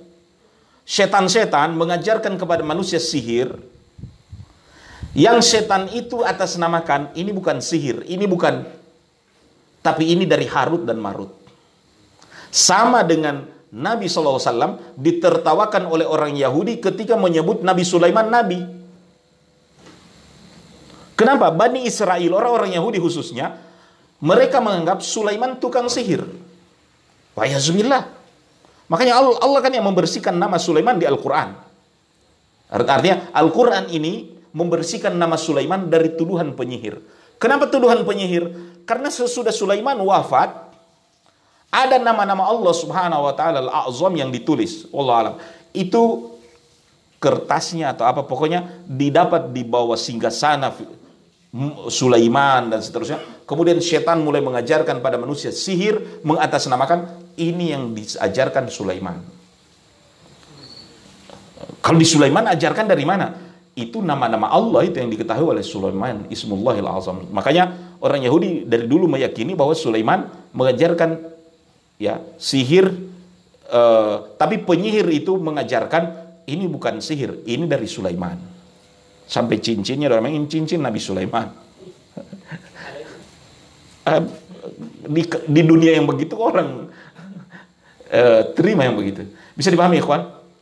Uh, alam kenapa so sampai di sini pembicaraan? Ala kulihal yang bisa digaris bawahi ya tauhid ini salah satu kajian tauhid membahas asmaul husna nama-nama Allah taala dan sifat-sifatnya polemik yang terjadi di dalamnya antum nikmati. Tapi satu yang kita amalkan di Asmaul Husna ini doa besar ini. Ismullahil Azam. Kalau antum sebut mau apa? Ya makanya perlakukan Asmaul Husna seperti itu. Fadu'uhu biha. Kita berdoa dengannya. Jadi kalau memang meminta rezeki cari kamar itu nama-nama yang berpotensi antum tak kucur rezeki Ya, Al-Ghani yang maha kayanya, Ar-Razzaq yang maha pemberi rezeki, Al-Quwa yang pemberi kekuatan, Asy-Syafi yang memberi sehat. Kalau antum gabungkan semua kekayaan kan, wah. Ini jangan lupa sebut-sebut nama ini ketika berdoa. Ya kan? Kalau antum mau sembuh, ada nama-nama Allah Ta'ala yang maha penyembuh. Bisa dipahami ikhwan? Demikian mengamalkan Asmaul Husna. Dan kita beriman dari dan ini ikhwan, so banyak orang Islam yang so malas baca, belajar Asmaul Husna. Padahal Tuhan itu bisa ditahu dari situ. Dengan mengamalkan Asmaul Husna, dengan membaca Asmaul Husna, kita dekat dengan Tuhan itu sendiri. Karena tadi itu kenapa kita sebut orang-orang yang Hindu atau uh, apa orang-orang di luar Islam tersesat di dalam memahami Tuhan kaum Yunani dengan filsafatnya sebab setinggi-tinggi orang berfilsafat cuma akan sampai pada kesimpulan Tuhan itu ada. Bagaimana cuma sampai pada kesimpulan eksistensi Tuhan itu ada. Bagaimana Tuhan itu sendiri tidak ada yang mensifati. Yang tinggal di laut dia akan berhayal dengan laut yang dia takuti. Ya yang tinggal di atas gunung akan berhayal dengan gunung malam gelap yang selama ini menghantui dia dan seterusnya untuk datang sebagai sosok Tuhan yang dia tuhankan itu. Bisa dipahami? Makanya para ulama mengatakan mengenal Allah itu dari dua ayat. Mengenal Allah ada dua ayat.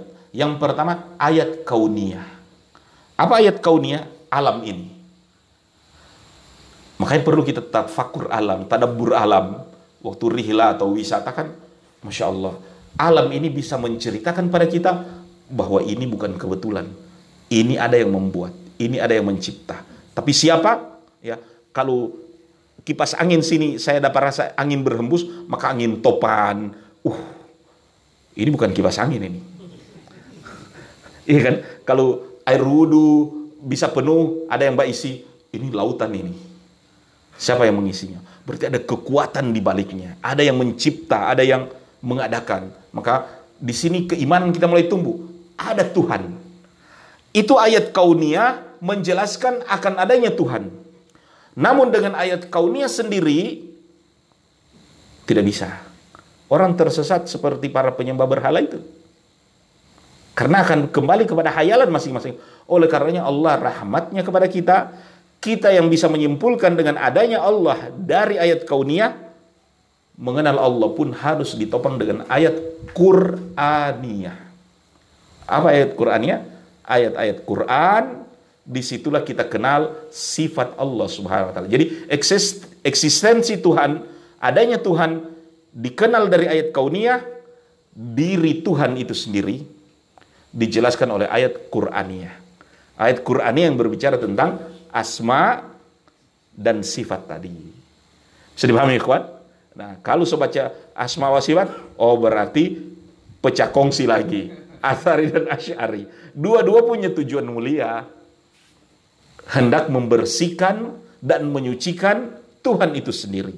Namun ada yang menginterpretasi, ada yang menafsirkan, ada yang tidak mau menginterpretasi. Ya, ada yang tekstual, semata dengan tafid uh, dengan penyerahan kepada Allah Subhanahu wa taala semata. Itu uh, apa di kalangan umat Islam sendiri. Untuk ahlus sunnah jamaah. Di luar ahlus sunnah, wah ada faksi-faksi lain memahami uh, as, asma wa sifat. Jahmiyah lebih ekstrim lagi. Kalau Jahmiyah pokoknya semua yang ber artinya semua yang berbicara tentang zat Tuhan tidak ada. Artinya penafian ditiadakan. Jangan sampai kita sama dengan Tuhan itu sendiri. Jadi lebih, lebih kalau Asy'ariyah masih terima itu sebagian sifat dan asma, kalau Jahmiyah itu dinafikan semua itu. Tidak boleh, tidak ada. Bukan meniadakan Tuhan tidak, tapi pengingkaran bahwa Tuhan sama sekali tidak sama dengan makhluk sehingga dia tolak semua nama-nama dan sifatnya. Makanya kata para ulama, ekstrimnya kaum Jahmiyah itu sehingga mereka menyembah yang tidak ada. Karena semua yang dikatakan tentang zat Tuhan, sifat Tuhan, nama Tuhan, mereka bilang bukan, bukan, tidak, tidak, tidak ada. Kaum nufat, kaum penafian dan itu banyak dalam Iya, ada lagi yang orang-orang dalam menafsirkan asma sifat orang-orang yang mentasbih. Apa mentasbih? Mem menganalogi, memisalkan bahwa Tuhan itu seperti dirinya. Al-Hallaj termasuk salah satunya. Yang telah menyerupakan, artinya ini pemahaman Asmaul Husna ya ikhwan. Ketika melenceng, orang bisa mengatakan Tuhan itu tidak lain sifat-sifatnya ya ter, sama dengan diri. Sehingga Al-Hallaj proklamirkan dia artinya ketika dia tajub dirinya, dia bilang mungkin Tuhan ada dalam dirinya. Akhirnya dia ke, datang pada kesimpulan anal haq kalau tadi kita berbicara dengan orang menafikan, meniadakan itu mata, tangan, ya kan betis dan seterusnya, ini so tetapkan, iyo so sama dengan manusia, so sama dengan dirinya. Akhirnya dia pertuhankan dirinya sendiri al-halaj. Ya. Sehingga dia berkaca, dia kaget di cermin. Saya tidak tahu siapa yang saya lihat, saya atau dia. Dia atau saya. Saya sujud, saya, akhirnya bingung dia. Saya sujud, tidak tahu saya sujud pada siapa ini. Saya atau dia. Itu uh, penyimpangan-penyimpangan dalam Asmaul Husna. Ya, makanya perlu penalaran yang lebih baik. Ya, karena ini berbicara tentang sifat-sifat Tuhan itu sendiri. Wallahu alam.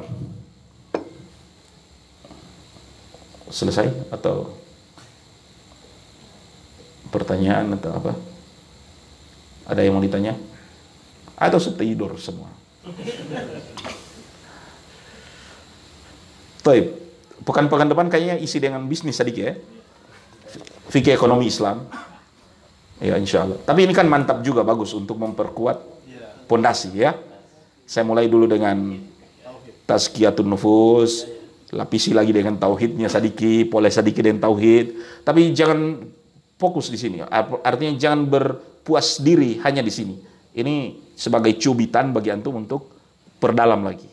Lebih banyak literaturnya, dengar lagi beberapa penjelasan ustadz atau masyaikh atau baca lagi supaya studi literatur antum lebih luas lagi memahami persoalan ini. Cuma kalau ada yang perlu dikonsultasikan, ya mungkin bisa diskusi dengan saya. Saya juga bukan serba tahu. Gitu. Baru kedua, ke depan kita akan mulai tentang ekonomi Islam.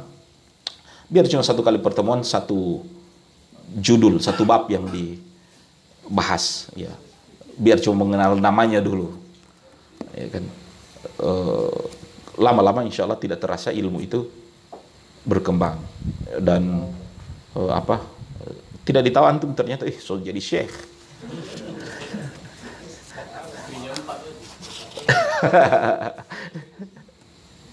Tuh, ada yang bertanya? Mungkin yang kita bahas atau di luar pembahasan?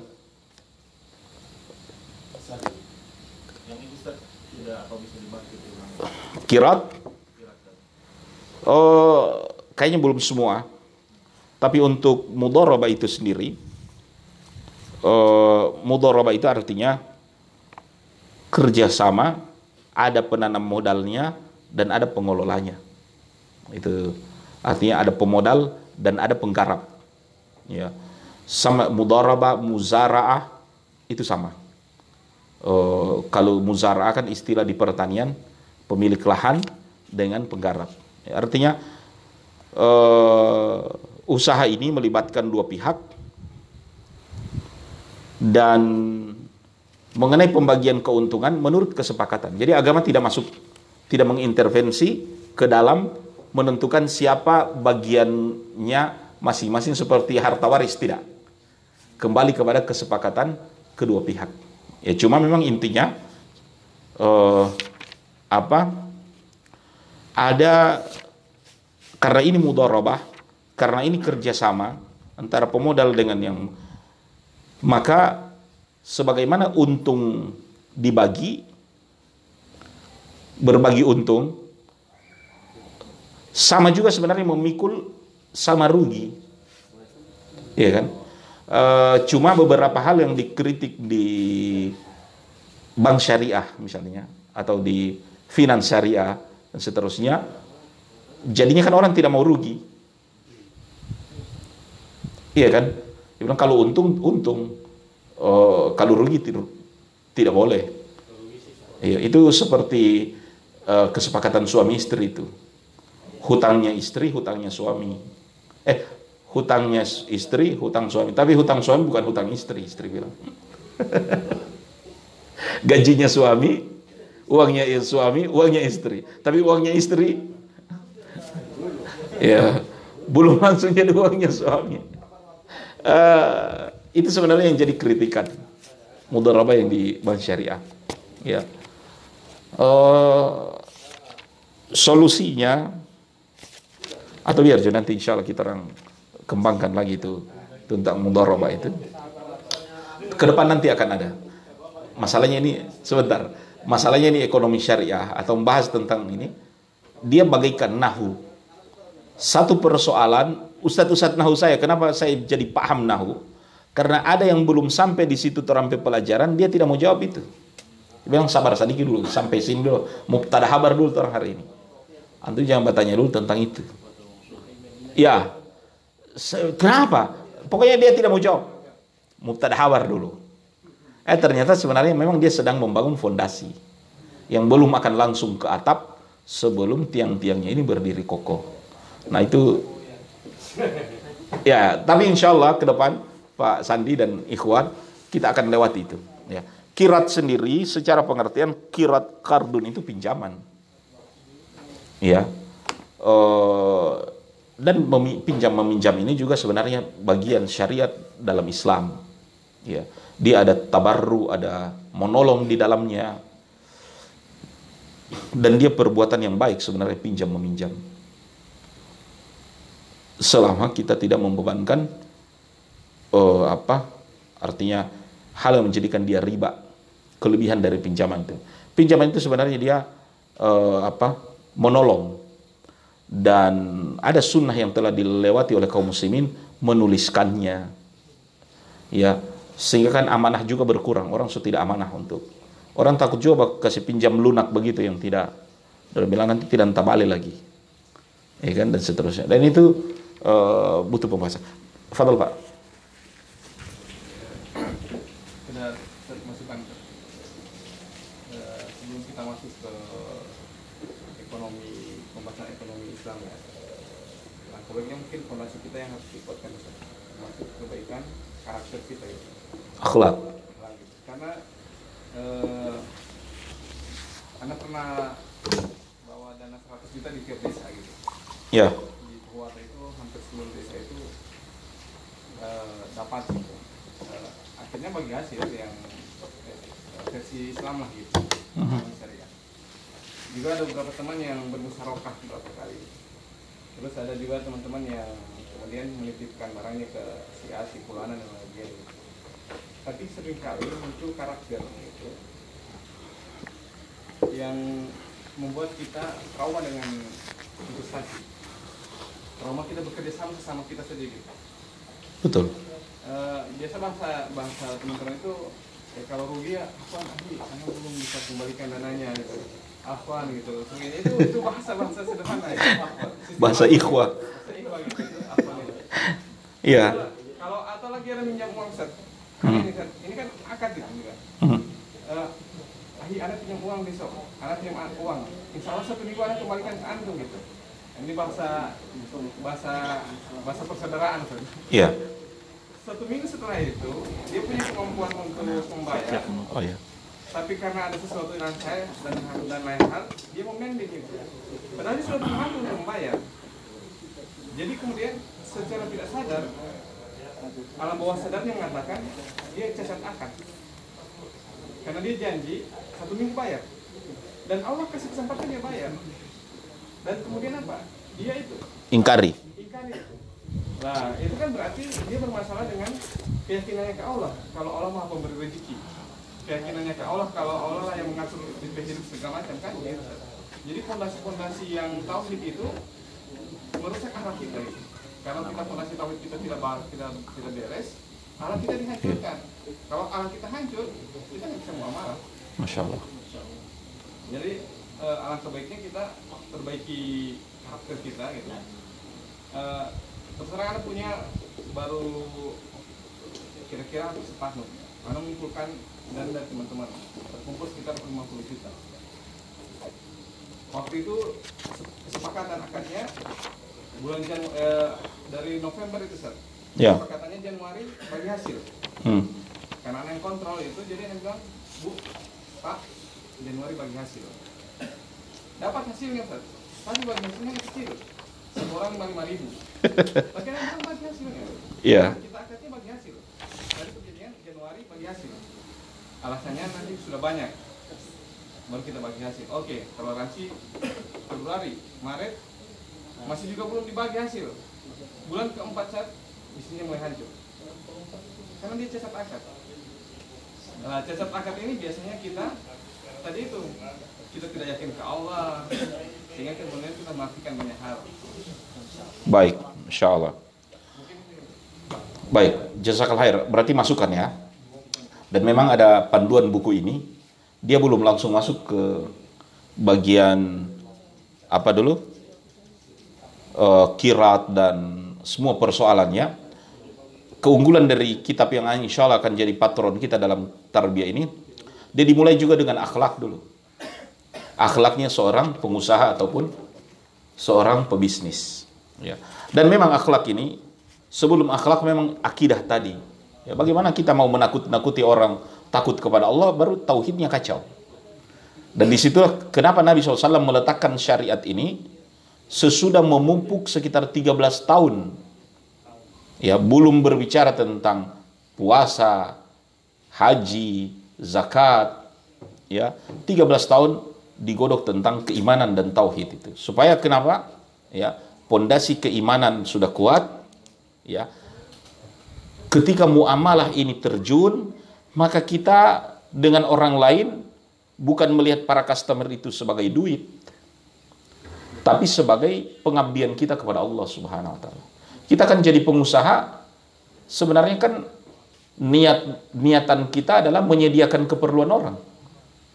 Antum bikin usaha retail ya kan? Ni warung begitu, kan bukan juga mau tilep uang orang semua yang ada di situ. Tapi niatan antum kan membantu orang memudahkan barang supaya ada. Ya, termasuk tele pula juga, masya Allah ibu-ibu banyak yang terbantu. Iya. uh, hari ini mungkin atau apa ada order itu keluar tidak jadi ya mungkin besok start. Ya. Ya artinya saya bilang daripada lama-lama itu tuh pula saya bilang so satu paket Artinya niatan kita membantu orang, memudahkan orang lain. Antum jualan kipas angin, niatannya supaya sejuk orang di rumah. Ya, istri tidak marah-marah pada suami karena binaut atau apa. Ya, Masya Allah banyak niat baik di dalamnya. Tapi karena tauhid so kuat. Kalau tauhid tidak kuat, itu tadi akhlak jadi buruk. Ya, muamalah seolah-olah amanah sebagai gonimah. Iya, Artinya dijadikan amanah sebagai gonima. Ya. Enggak itu boleh, itu perkataan para ulama. Ya, yang jangan sampai kita jadikan amanah sebagai gonima. Ya. Oh. ya. Tauhid kita harus kuat di sana. Makanya insya Allah kita gambling akhlak, ya dan kajian tauhid ini tetap akan masih tetap diselip selip-selipkan dan seterusnya sepanjang tarbiyah. Saya sendiri berkomitmen insya Allah mudah-mudahan sehat walafiat kita orang semua selalu tarbiyah bisnis ini. Makanya saya selalu antisipasi rekam. Kalau saya bilang dua orang hadir, saya tetap tarbiyah. Tapi keunggulannya saya rekam supaya apa? Ya bisa di share dan banyak orang yang dengar lagi. Ya Allah taala alam. Taib, syukran jazakal khair kepada antum semua. Uh, selanjutnya saya bersyukur dan berterima kasih uh, kepada tuan rumah kepada uh, apa Masjid Al Isra ya. Uh, kepada juga Ustaz uh, Sandi, alhamdulillah jazakal khair kepada semua antum uh, berpartisipasi di acara ini. Saya selalu berdoa pada Allah Ta'ala mudah-mudahan kalau ini amal soleh maka kita bertawassul minta kepada Allah Ta'ala dengan perantaran amal soleh yang kita hadir di majelis ilmu ini majelis yang dilingkupi oleh para malaikat. Kiranya doa-doa kita yang baik dan permintaan kita pada Allah Ta'ala Allah Ta'ala kabulkan pada kita semua. Disehatkan badannya dimudahkan urusannya dicapaikan cita-citanya Allah Ta'ala menjaga keluarga kita anak-anak kita dari hal-hal yang makruh dari hal-hal yang uh, tidak diinginkan. Mudah-mudahan Allah Ta'ala selalu membimbing mereka dengan taufik ya dengan hidayahnya. Di musim pandemi ini mudah-mudahan kita semua sehat dan orang-orang yang kita cintai terhindar dari mara bahaya dari petaka dari pandemi ini. Amin ya rabbal alamin. Dan kita berdoa mudah-mudahan uh, segera berakhir uh, pandemi ini insyaallah amin ya rabbal alamin saya berdoa pada Allah taala siapa pun yang menginginkan pergi haji dan umroh mudah-mudahan Allah beri kemudahan untuk haji dan umroh yang memiliki hutang mudah-mudahan lunas hutangnya terbayar cicilannya yang menginginkan jodoh mudah-mudahan dapat jodoh. Amin. amin. Rabbana atina fid dunya hasanah fil akhirati hasanah wa qina adzabannar. Sallallahu alaihi wasallam ala nabiyyina Muhammadin wa ala alihi wasallim. Alhamdulillahirabbil alamin. Assalamualaikum warahmatullahi wabarakatuh. Kayaknya saya tidak terlalu bastrom, tapi jangan pegang di situ. Oh. Syukran wa jazakumullah khair kafir kepada Ustadz uh, Yusuf Loma LC uh, yang telah uh, mengisi tarbiyah hari ini.